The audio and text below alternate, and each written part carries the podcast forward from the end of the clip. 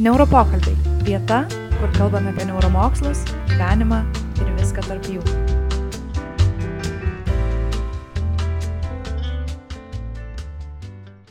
Sveiki mūsų tinklalaidės klausytojai.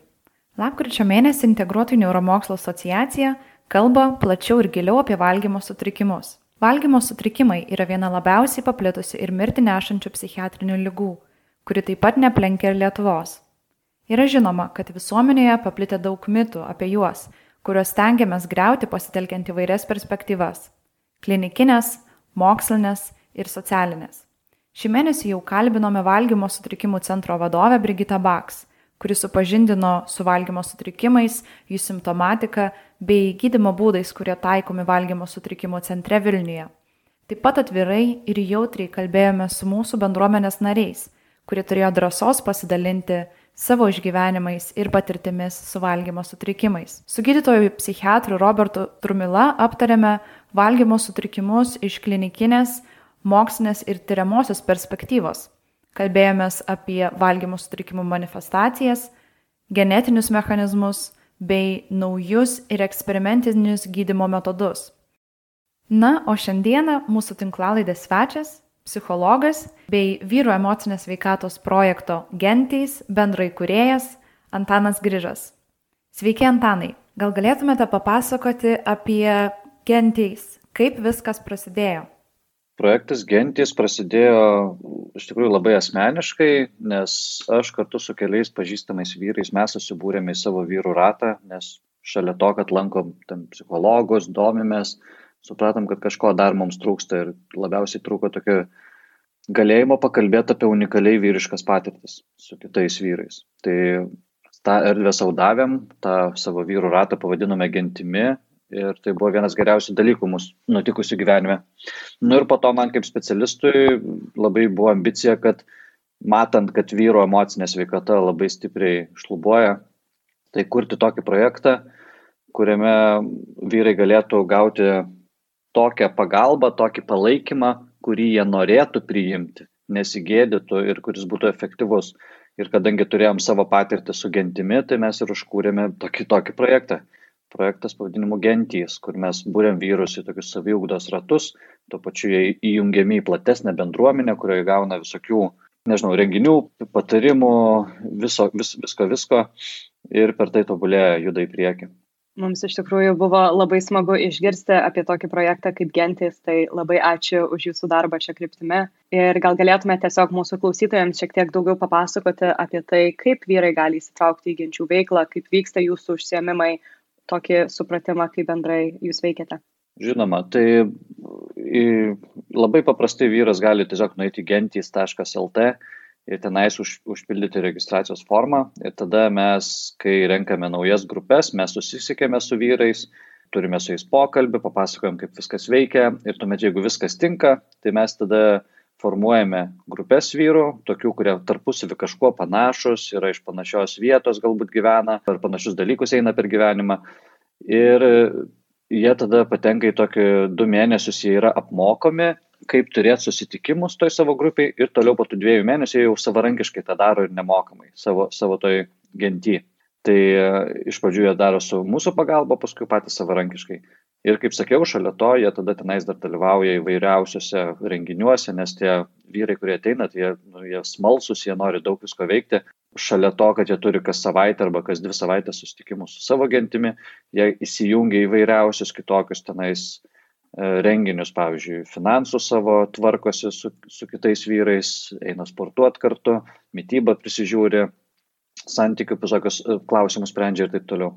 Puiku, o gal galėtumėte daugiau papasakoti apie tai, kas jūsų nuomonė yra labiausiai matoma kaip nusiskundimai, dėl kurių vyrai dažniausiai kreipiasi į gentis, dėl kurių susibūrė ir apie ką dažniausiai dalinasi, jei matote tam tikrų dėsningumų toje kryptyje? Na, pagrindinis poreikis tai yra tiesiog pradėti kalbėti. Vat kaip ir sakiau, kaip ir mums buvo tiems keliams draugams, kad mums visų pirmoje vietoje tiesiog buvo poreikis kalbėti apie unikaliai vyriškas patirtis nes vyrai labai emociškai izoliuotus gyvenimus gyvena, daugelis mūsų. Ir, ir, ir, ir mes vis labiau gyvenam visuomenėje, kuri labai kritikuoja vyrus. Ir mes vis labiau, mažiau turim sąlyčio nuo pat mažens su, su savo tėčiais. Augam su mamom daugiausia, einam į mokyklas, kur mokytojas yra moterys. Ir daug mūsų mes turim visokių klausimų gyvenimo ir visokių patirčių, apie kurias nebelieka su kuo pakalbėti. Mes nu, užaugam nemokėdami to, to daryti. Tai pagrindinė vertė, kurią gauna vyrai, tai apskritai pradėti kalbėti apie tas patirtis. O tada, kai jau kalba, Nu, iš tikrųjų, daugiausia turbūt būtų, nu, lengviausia būtų apibendrinti, kad apie santykius. Daugiausia yra klausimų apie santykius uh, tarp vyrų ir moterų, bet tikrai ne vien.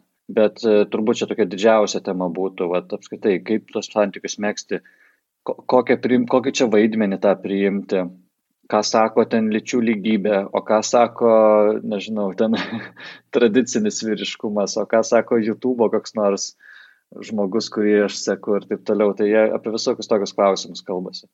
Kita tema jiems labai aktuali tai yra savidisciplina. Gentysė jie mokosi savidisciplinuoti ir siekti tikslų ir nemeluoti savo ir, ir, ir, ir nemesti kažko pradėję. Tai mes visokių ten turim užduočių su tuo susijusių. Tai čia labai svarbi tema, vat, nes daug vyrų jie nori siekti juos vežančių tikslų, bet jeigu jeigu, nu, jeigu jie neturi tos atskaitomybės, tai tada jie labai vat, lieka neišjudėję iš tokio užstrigimo ir, ir tuomet jie nu, ir savęs nemėgsta iš tikrųjų. Tai va tai vat tas išjudėjimas apskritai gyvenime, judėjimas link kažko svarbaus. Tai čia dar tokia viena tema. Nu ir galiausiai tokia didelė tema, į kurią aš negaliu pasakyti, kad turim atsakymą kas nors, bet apskritai ką veikti su savo gyvenimu. Kaip čia prasmingai kažką veikti šitam gyvenime. Ką man veikti, nes nemažai vyrų ateina ir dalinasi tokiu, aš nežinau, ką daryti savo gyvenimu, aš než, nežinau, kur judėti, nežinau, ko aš noriu. Tai va tas tiesiog, kad judėti link kažko, ieškoti, pradėti dairytis, girdėti, ką kiti daro, man atrodo, tas yra labai labai labai svarbu. Ir ne tik patiems vyrams, bet ir vis, visai visuomeniai, nes galime įsivaizduoti, kaip atrodo visuomenė, jeigu ten tūkstantis pasimetusių vyrų ir, ir jeigu ten yra tūkstantis vyrų, kurie žino, ko nori ir siekia, tai visai kitaip atrodo visa visuomenė tai man atrodo svarbu sudaryti erdvę, kur jie gali ieškoti, ką jie nori nuveiks prasmingos su savo gyvenimais. Jūs paminėjote, kad e, vyrai yra dažnai emociškai izoliuoti gyvenime ir matėme, kad būtent COVID pandemijos metu ta izolacija padvigubėjo, jeigu ne patrigubėjo. Kaip jūsų nuomonė pasikeitė vyrų susidomėjimas emocinė sveikata, ar pamatėte pokyčių jūsų gentyje, jūsų bendruomenėje, ar pagausėjo naujų narių? Tai apskritai mūsų projektas prasidėjo per pandemiją, nes mes tik metai laiko veikiantys esam. Tai savotiškai padėjo ta pandemija projektui aukti, nes, nes tada mums lengviau buvo nuotolinės turėti tas grupinius susitikimus, nes jeigu ne pandemija, tai niekas nenorėtų eiti per Zoomą ir turėti susitikimų bet kadangi buvo pandemija ir visi buvo priversti, tai norėjo žmonės to. Tai tas aišku, kad nu, paskatino žmonės jungtis ir tikrai buvo laimingi vyrai, kad wow, aš laukiu tų susitikimų, nes ir taip sėdžiu visą, visą dieną namie uždarytas vienas, negaliu niekur išeiti iš, iš principo, ir, bet va, galiu, gal, galiu su jumis susitikti pakalbėti ir jaučiasi nu, tikrai šiltas gyvas pokalbis. Tai va, ir aš sakyčiau, kad apskritai čia, nu, ne, nežiūrint į lytį, bet pandemija tikrai prisidėjo prie to, kad žmonės labiau pradėjo rūpinti savo emocinę sveikatą. Ir ir, ir, ir nustojo bijoti rūpintis savo sveikatą online. Nes aš, aš kaip psichologas galiu pasakyti, kad aš anksčiau, kaip iki pandemijos, bandydavau su kokiu klientu kalbėti, kad, nu, va, aš būsiu išvykęs, tai galim pasidaryti nuotolinę sesiją. Tai retas, kuris sutikdavo, jis taip kreivai žiūrėdavo. O kai pandemija atsirado ir nu, nebuvo kito pasirinkimo, tai kažkaip žmonės labai greit persijungė ir suprato, kad, ai, okei, okay, galima ir šitai bendrauti ir turėti psichoterapiją. Tai tas galioja ir, ir, ir visiems kitiem dalykam.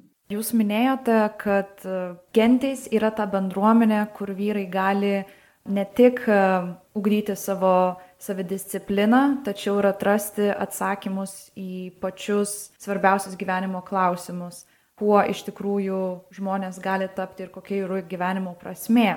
Bet kalbant apie mūsų šio mėnesio temą, norėtume paklausti, ar esate genčių bendruomenė nagrinėję temą kaip valgymo sutrikimai, ar kalbėjote apie tai tarp jūsų bendruomenės vyrų, ar teko susipažinti su jų patirtimi vyrų bendruomenėje? Na, jeigu taip nuoširdžiai, tai aš ir negaliu pasakyti, ką ten tiksliai vyrai yra kalbėję, nes kiek, kiek nu, nu, va, tų genčių yra daug, jų dabar virš 50 visoje Lietuvoje išsibaršysiu. Tai apie ką jie ten kalba, aš galiu tik spėlioti, kiekvienas tas ratelis. Ir aš nujaučiu, kad ten tikrai buvo kalbų ir apie valgymo sutrikimus irgi. Bet toj mūsų bendroj genčių erdvėjai, toj bendruomeniai, kur yra platesnė tokia, ten iš tikrųjų šita tema nėra labai liečiama. Nu, man neteko su to susidurti ir girdėti apie tai. Kas arčiausiai to, tai vyrai kalba apie apskritai apie mytybą ir kaip turėti sveiką mytybą, kaip numesti svorio, apie tai, kaip kaip auginti raumenis galbūt, kaip savo figūrą prižiūrėti ir, ir, ir kažkokios sporto tikslus siekti. Tai apie tai kalba, tai rūpi vyrams. Bet apie patį sutrikimą tai, tai nėra kalbėta. Ir nu, viena vertus, tai aš manau, kad tiesiog vyrų atveju tai tiesiog yra mažiau aktualus klausimas, jis rečiau iškylantis, žymiai retesnis. Bet kita vertus, tai jis ne tik retesnis, bet ir kadangi mes esam nepratę netgi galvoti, kad vyrai gali turėti valgymo sutrikimų. Tai dėl to kartais ir patys vyrai net nežino, kad jie gali jį turėti ir jie net jo neįvardina. Nors galbūt ir turėtų, nors ir būtų galima galbūt tokį diagnozuoti. Žinoma, ir kalbėjote daug apie taisyklės, kurios, gal, apie kurias girdite vyrus kalbant, būtent apie mytybą, kaip numesti svorio, kaip auginti raumenis. Ir tai žinome iš kitų kontekstų, kad yra labai susijęs su kontroliuojančiais veiksmais. Ir prieš tai kalbėjote apie tai kad taip pat daug vyrų kreipiasi į jus norėdami labiau išvystyti savo savidiscipliną ir mes žinome, kad savidisciplina iš tikrųjų turi labai daug panašumų su kontrolės jausmu. Ar manote, kad, arba kaip kalbate apie tai savo grupėse, kuriuose vykdote savidiscipliną, kad tai netaptų per nelik didelę maisto kontrolę, per nelik didelę kaip ir ortoreksijos manifestaciją, kai būtina valgyti tam tikrų būdų, būtina numesti svorį iki tam tikro kiekio, būtina užauginti tam tikrą kiekį raumenų. Kaip iš tikrųjų bandote suprasti tą sąveiką? Kaip ir sakiau specifiškai apie valgymo klausimą ir valgymo sutrikimus nu, mes nedirbam, nes iki šiol neiškilo tai kaip kažkoks tai aktualus labai poreikis. Bet apskritai apie savidiscipliną, tai nu, vyrai tenais ką daro, tai jie, kai turi savo genties susitikimą, tai jie per kiekvieną susitikimą išsikelia savo iššūkius, ką jie užsibrėžė padaryti prieš kitus vyrus iki kito susitikimo. Ir taip pat jie patys savo nusimato pasiekmes jeigu aš to neįvykdysiu, štai kokia pasiekmė bus. Pavyzdžiui, jeigu aš to neįvykdysiu, tai aš jums, nežinau, ten visiems po obolį padovanosiu, arba po čipsų pakelį, arba po 5 eurus duosiu, jeigu, jeigu nepadarysiu to, ką užsibrėžiau. Nu, įvairių, įvairių pasiekmių susigalvoja žmonės. Ir kas yra labai įdomu, kad jie, kai tokiu formatu keliasi iššūkius ir tada padaro, nepadaro, įvykdo tada tas pasiekmes, per tai jie pamažu išmoksta, tai kaip efektyviai save disciplinuoti, kaip nebūti savo per daug nuolaidžiu, nes tada aš nejudu į priekį ir kaip nebūti per daug ambicingų ir per daug griežtų su savim. Ir čia labai gerai, kad jie tą daro grupiai, nes jie tada gali lyginti, nes vienas žmogus su savim švelnesnis, pagarbesnis, kitas labai kritiškas ir labai perfekcionistiškas. Ir tas labai greit pasimato. Ir dėl to grupiai tas labai fainai veikia, nes tada jie gali atrasti pamažu tą geriausią būdą save disciplinuoti ir jie gali vienas iš kito to mokytis. Ir aš manau, kad tai labai svarbus įgūdis. Galvojame apie perfekcionizmo klausimą ir kad iš tikrųjų atrasti tą balansą yra, kaip ir sakėte, e, tikslingas įgūdis, kurį ir mokosi vyrai būtent genčių kontekste. Tai mums iškilo tuomet tolimesnis klausimas, kad galbūt galėtumėt pasidalinti keliais labiausiai gajais mitais apie maistą būtent Lietuvos vyrų kontekste ką esate matę būtent savo patirtimi arba galbūt girdėję iš tų grupių, tiesiog kaip dalykus, kurių galbūt reikėtų stebėti. Mitai apie vyrų mytybą. Nu, vat, aš, aš, aš nežinau, iš tikrųjų, ar čia mitai ar ne, bet vat, keli klausimai, kurie dažnai sukasi pas vyrus ir vieni sako, kad čia mitas, kiti sako, kad čia ne mitas. Tai vyrams tikrai aktualu, koks maistas e, padeda kelti testosterono lygį, koks maistas mažina. Tai čia, pavyzdžiui, labai aktuolus klausimas. Na nu, ir tada yra visokių diskusijų, kad, tarkim, sojos produktai ir šiaip veganiška mytyba, jinai, nu, iš principo nelabai ne suderinama su tuo, kad kelti testosterono lygį. Bet tada yra kitų, kurie sako, nevelnio, man tai viskas gerai ir man veikia ir, ir mano testosterono lygis geras. Tai va čia vienas, vienas kampas, kuris yra svarbus, nes vyrai, tie, kurie rūpinasi savo sveikata ir savo energingumu, jie, jie tikrai seka, ypač nu, jeigu tai yra šiek tiek vyresni, jau aplink 30 ir, ir, ir į viršų, vyrai, tai jiems rūpi jų testosterono lygis ir šitoje vietoje mytyba labai žaidžia. Tai čia gal toks pagrindinis. O kokie čia dar galėtų būti mitai. Mm. Nu, gal apskritai, apskritai toks klausimas yra, nu, vėlgi, aš nesakyčiau, į kurią pusę čia yra mitas, į kurią pusę faktas, bet aktualus, aktuali tema, taip apskritai, nu, mano išvaizda. Ir jeigu aš noriu mėgsti santykius, tai kiek yra svarbi mano išvaizda. Ir aišku, kad šitoje vietoje irgi yra daugybė diskusijų, ne, tiek, ne tik genčių bendruomenė, bet apskritai, apskritai visoje visuomenėje turbūt. Vat, tai kiek čia svarbu yra išvaizda, jeigu noriu mėgsti santykius. Gal nesvarbu, gal svarbu tik mano vidus, o gal vyru atveju yra svarbu tik tai jo pasiekimai, karjeros pasiekimai ir taip toliau, finansiniai pasiekimai, bet nėra svarbu um, jo išvaizdą, bet tada yra kitų, kurie sako, kad, nu, nu ne, vis dėlto svarbu sudėjimas, svarbu ūgis, svarbu, kad būtų ten, nežinau, būtų ne per daug riebalų, kad būtum nu, raumeningas, kad, kad tai dalykai svarbus, taip, taip tu labiau esi patrauklus moteriai ir taip toliau. Tai va, tiesiog čia tokie gal tokie karštesni taškai, per kuriuos diskutuojama ir tada diskutuojama ir apie mytybą. Ačiū labai, paminėjote du įdomius mitus, kurių nemanau, kad daug mūsų klausytojų žino tiek testosterono faktorius, tiek e, tas dalykas, jog kūno savivertės ir kūno grožio suvokimas yra be galo svarbus vyrų mentalitete, nors dažnai tai manoma, kad e, yra tik moterų grožio kultas garbinamas socialinėse medijose, tačiau vyrai taipogi labai daug reikšmės tarkia šiam faktoriui. Tad pabaigai norėtume jūsų paprašyti pateikti keletą skirtumų, kurius jūs matėte kaip psichologas dirbdamas savo srityje tarp e, emocinių sutrikimų, tarp lyčių, kokie yra didžiausi skirtumai tarp moterų ir vyrų? Vienas skirtumas, kad mes vyrų, vyrų sutrikimus daug mažiau pažįstam apskritai. Mes es, turime kaip visuomenė daug didesnį aklumą apskritai vyrų sunkumams.